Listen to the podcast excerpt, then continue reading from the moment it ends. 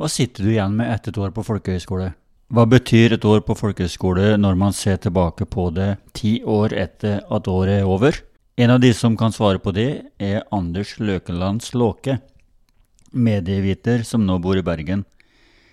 For ti år siden var han elev på Global Village Connection, og arbeider i dag som digital veileder i Nav. Jeg møtte ham i Bergen, hvor vi snakka bl.a. om disse spørsmåla. Om improvisasjonsteater, sosiale medier og farene ved Facebook om hvordan året på Solborg ga ham en selvtillitsboost. Solborg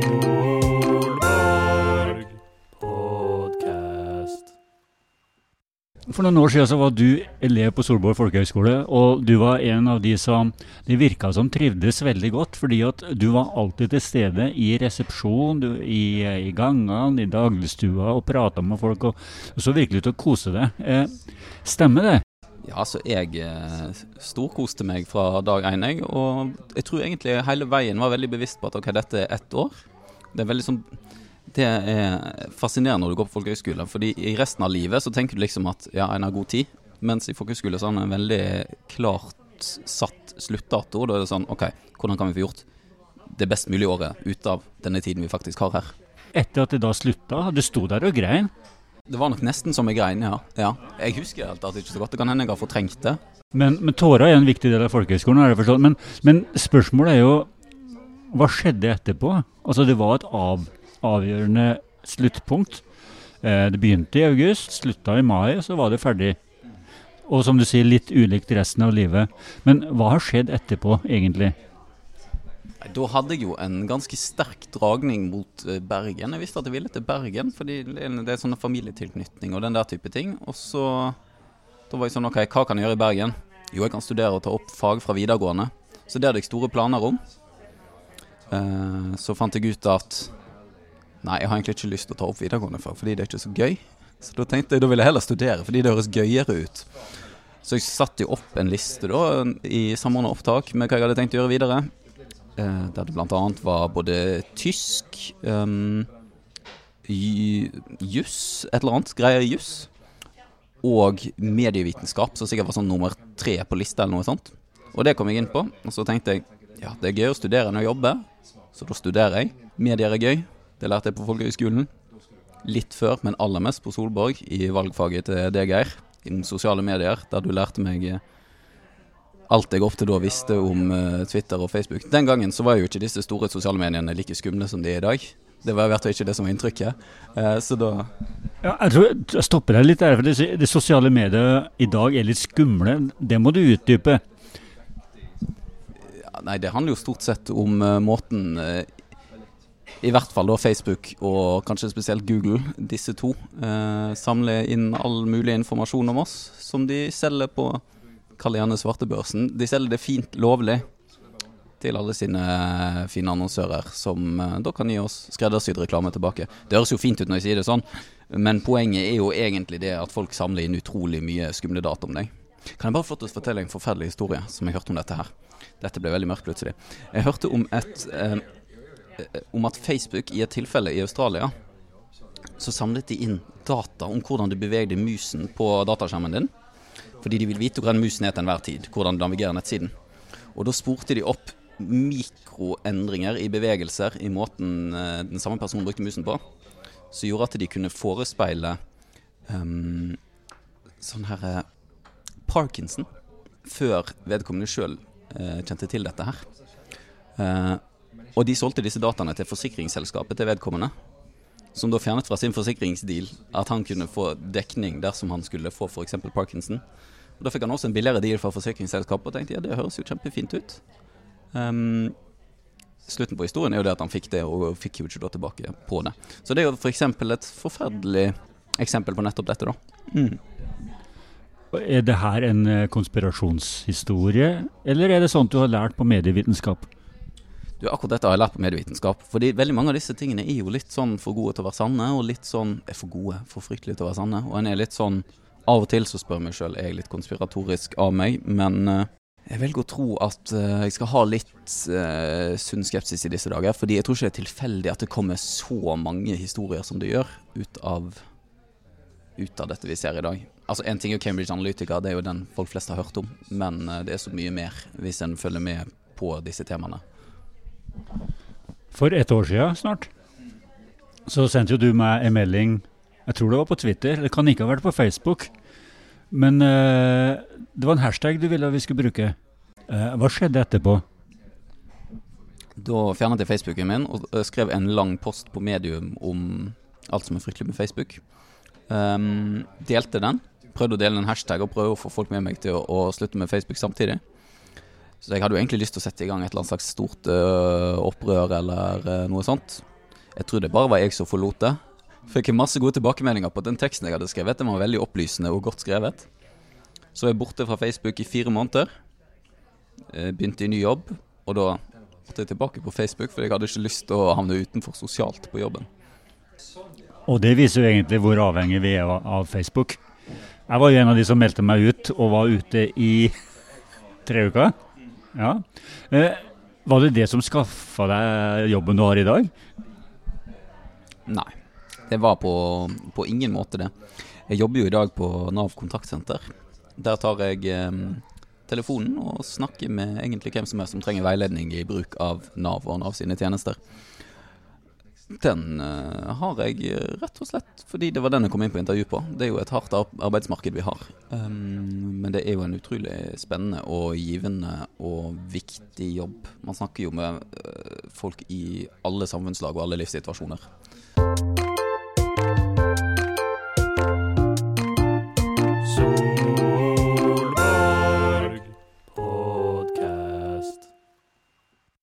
Nå tenkte at vi ikke skulle snakke så veldig mye om hvordan det var å være på Solborg. Vi skal litt innom det. Men jeg er litt opptatt av det som skjedde etter at du gikk ut uh, døra. Uh, det er en del som går og lurer på om de skal gå på Solborg, og om de, om de skal søke om det er verdt det. Og det er mange som lurer på hvordan livet på Solborg er. Men, men nytten av det som du fikk på Solborg i ettertid jeg fikk f.eks. en melding fra deg at du hadde vunnet en teaterkonkurranse når jeg gikk på Solvåg, så var jeg veldig usikker på om jeg var på rett linje. For jeg gikk jo på det som den gangen heter Global Village Connection. Den har sikkert et annet navn i dag. I dag så heter den Global Village Connect. Og neste år så heter den Global Village. Så den skifter navn litt uh, annethvert år, uh, men det er samme linja. Riktig. Uh, og mens jeg da gikk på denne, så fikk jeg da lov til å kalle det gjerne hospitere litt. Eh, på rampelys på scene, for å faktisk prøve meg litt ut på scenen. Og fant ut at ja, teater, det er gøy.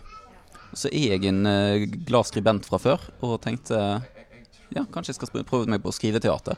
Og da deltok jeg i en konkurranse som heter Ungt blikk på verda, som var arrangert av teatret vårt i Molde. Og fikk da satt opp forestillingen min to, to ganger, tror jeg. Um, og ble flydd opp, i, ikke i private jet, men nesten. Uh, Booka inn på hotell og følte jo da at jeg hadde runda livet, på sett og vis. Når jeg ser tilbake på det, så var det ikke så stort, men uh, for en uh, ung mann som ikke trodde han farte med noe spesielt, så var det, det var viktig. Og det er jo på en måte inspirasjon Den inspirasjonen tror jeg tok med folkehøgskolen. Det er på at man må prøve, og at man kan veldig mye mer enn det man kanskje først tror, da. Fordi det er jo mange som snakker om folkehøgskolen som et år der man blir mer sikker på seg sjøl og kommer mer i kontakt med hva man kan, og hva man kan bli bedre på, for den saks skyld. Men jeg fikk i hvert fall en veldig sånn sjøltillitsboost av det, som jeg tror var veldig viktig. Eh, og som jeg tror mange unge kanskje, spesielt i dag, trenger når de skal inn i voksenlivet. Fordi det er Jeg tror den overgangen der nesten er vanskeligere enn noen gang. Hvorfor? Jeg har, jeg har, lett for å snakke om sosiale medier og internett nå, men, men, ting går i et mye høyere tempo enn noen gang. Og det er konsekvent en slags forventning om at man skal være til stede og kunne svare på ting umiddelbart. At man har korte frister på seg på ting. At alt sammen skal skje veldig, veldig, veldig fort. Og det å på en måte skulle bli selvstendig i et sånt samfunn, uh, tror jeg er vanskeligere enn å bli selvstendig i et samfunn der du gjerne gjorde det samme, utdanna som det samme som foreldrene dine, og gjerne sendte et brev en gang i måneden. Uh, hvis vi skal gå veldig langt tilbake, da. Jo, men det, det, er jo mange som snakker om det der med identitet og trygghet og vite hvem du er, og at det er vanskeligere nå enn før fordi at du har så mange muligheter, mange alternativer. Kjenner du på det sjøl? Man spiller jo på en måte uunngåelige roller på alle disse foraene man er på på internett. Når jeg er på Twitter, så er jeg antageligvis mer opptatt av politikk enn hva jeg er ellers.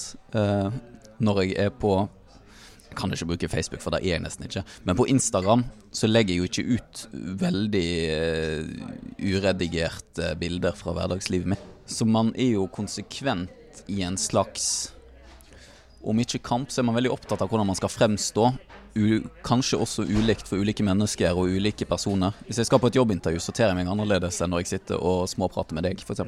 Det at vi så i så stor grad tilpasser oss sosiale medier, om det overføres til livet ellers? Jeg tror det i en mye større grad i dag er en forventning om at man skal være ute og gjøre noe hver helg eller nesten hver dag, pga. at en også har alle disse her eventsene og kort vei eh, til folk. Folk sender deg en melding, og det er ingen terskel for å gjøre det i det hele tatt. Og de sender deg en melding om at de skal ha deg med på noe. Og det, jeg tror det er vanskelig noen gang også å si nei. Og kanskje at vedkommende tar imot det nei, da, hvis han f.eks. trenger å være inne en dag. Det er jo stort sett hyggelig å bli med på ting, men uh, av og til. Sånn som nå, jeg satt, i, eh, jeg satt i Stavanger, så sendte jeg en melding til deg på Twitter, kanskje det var sånn, eh, kan vi møtes her, for jeg har lyst til å intervjue deg. og Da følte du at du måtte si ja.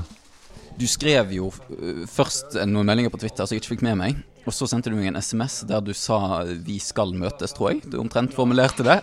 ja, jeg skrev det.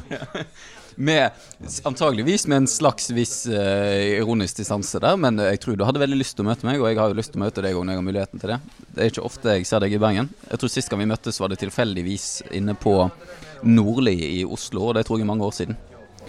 Uh, så det er jo veldig hyggelig å møte deg når du er i byen. Så det er på en måte noe Det er ikke noe som skjer hver dag, da. Men nå har vi sittet og pratet faktisk i eh, ganske lenge. Snart et kvarter. Jeg tror det er ingen som vet hvem du er. Hvem er du egentlig? Nei, jeg er en uh, glad ungdom på 26 år. Um, som kommer fra Vestlandsfjordene i Sunnhordland. Um, som uh, i utgangspunktet var en litt usikker sjel, tror jeg, på ungdomsskolen og videregående.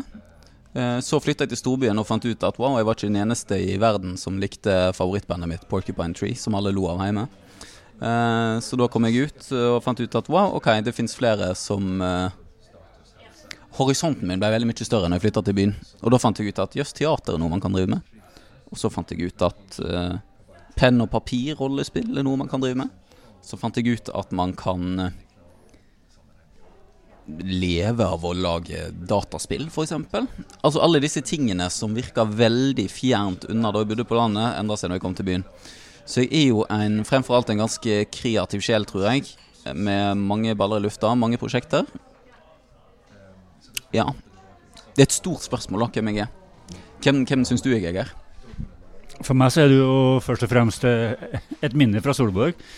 Eh, en god kontakt fra Solborg, eh, kreativ kunstner, som driver med mediefag av alle ting. Interessert menneske. Men jeg tenkte jo det på, på det at du kommer fra Sunnhordland, og så kom du til storbyen. Var det Solborg du tenkte på da, eller? Ja, det er Solborg. Mm, Solborg ett år, og så fem år i Bergen. Mm.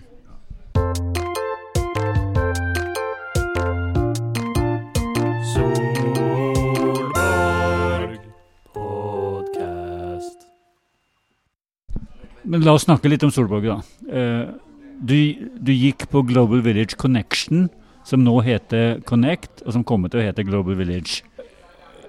Hva gjorde det året med deg? Um, det åpna horisonten min til de grader. Både bokstavelig talt og figurativt, holdt jeg på å si. Vi var jo ute og reiste merkverdig langt. Um, det der er på en måte turer Når jeg gikk der, så var vi jo i Zambia og Zimbabwe, Botswana og Thailand, var det vel? Og en svipptur innom Hongkong. Uh, og det Det er steder jeg fremdeles den dag i dag tror jeg ville Jeg tror ikke jeg hadde slitt med å reise dit alene, men jeg hadde jo tatt kontakt med sånne som deg for å få hørt meg om hvordan i all verden jeg skulle reise, og hvor jeg skulle bo, og den type ting. At det er veldig sånn Jeg fikk utfordra meg, og folk la til rette for at jeg skulle dra til til steder som jeg aldri kunne dratt på egen hånd. Uh, og det fikk ut, ut, utfordra liksom bildet mitt av verden. da, Det å møte både medelever, men også da mennesker i alle disse andre landene. Um, og det var jo veldig fokus på denne her liksom kulturutvekslingsbiten, holdt det på å si. sant? Å spille fotball sammen og spille trommer og all, all denne her typen ting. Og bygge broer. Som jeg tror var veldig viktig, da, fordi en skjønner da plutselig at en er på ingen måte alene her i verden. Uh, og det er så mye mer som, uh, som venter der ute. da. Så jeg tror fremfor alt at det kanskje bidro til en ganske sånn heftig åpenhet. da.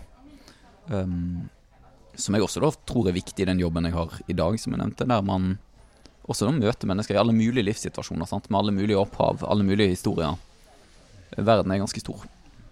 Så utbyttemessig eh, ma Mange lurer jo på hva utbytte man får av et eh, folkehøyskoleår. Eh, man, man, lærer seg åpenhet, man får eh, utvida perspektiver. Men, men, litt mer den konkrete nytten av et sånt år.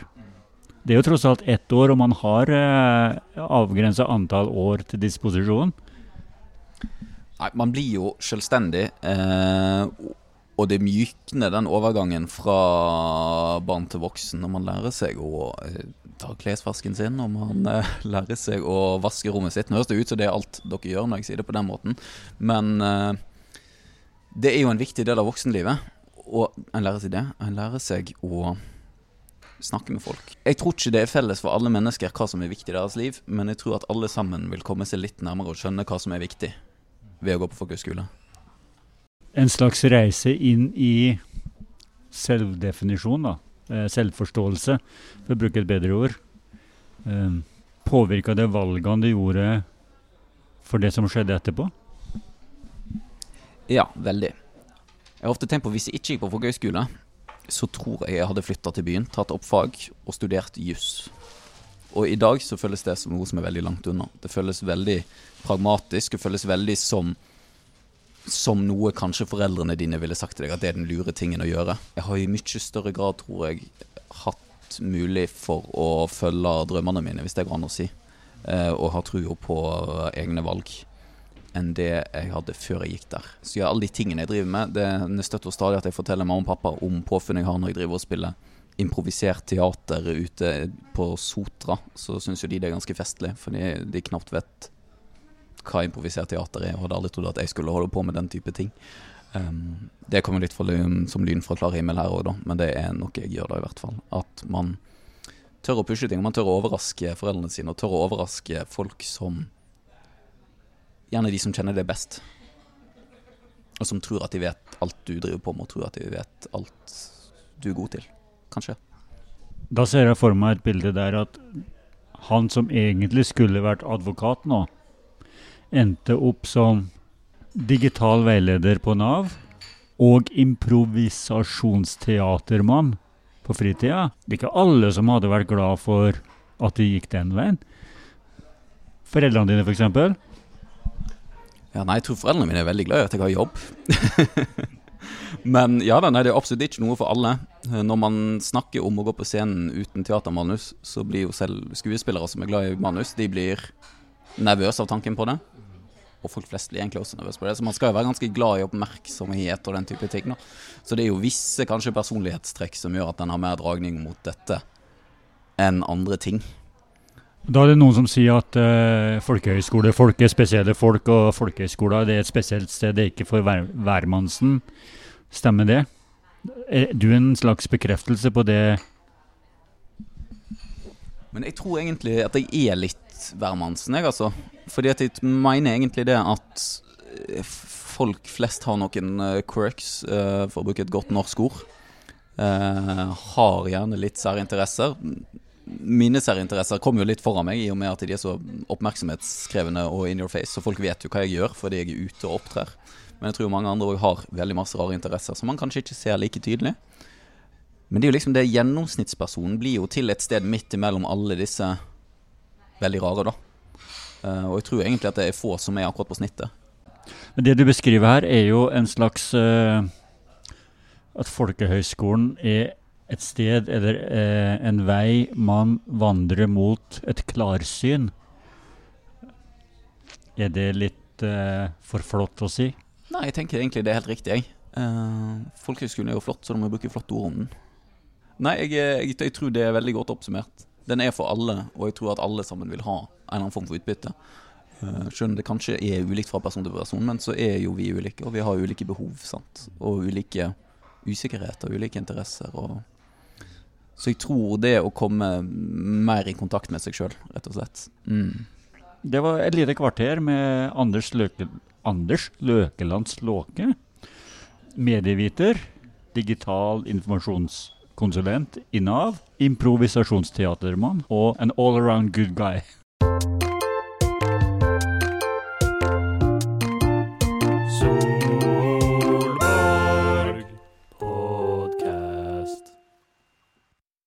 Du har hørt på Solpodden, Solborg folkehøgskoles egen podkast, og vi snakka med Anders Løkelands Låke, medieviter, improvisjonist og tidligere elev på Solborg folkehøgskole.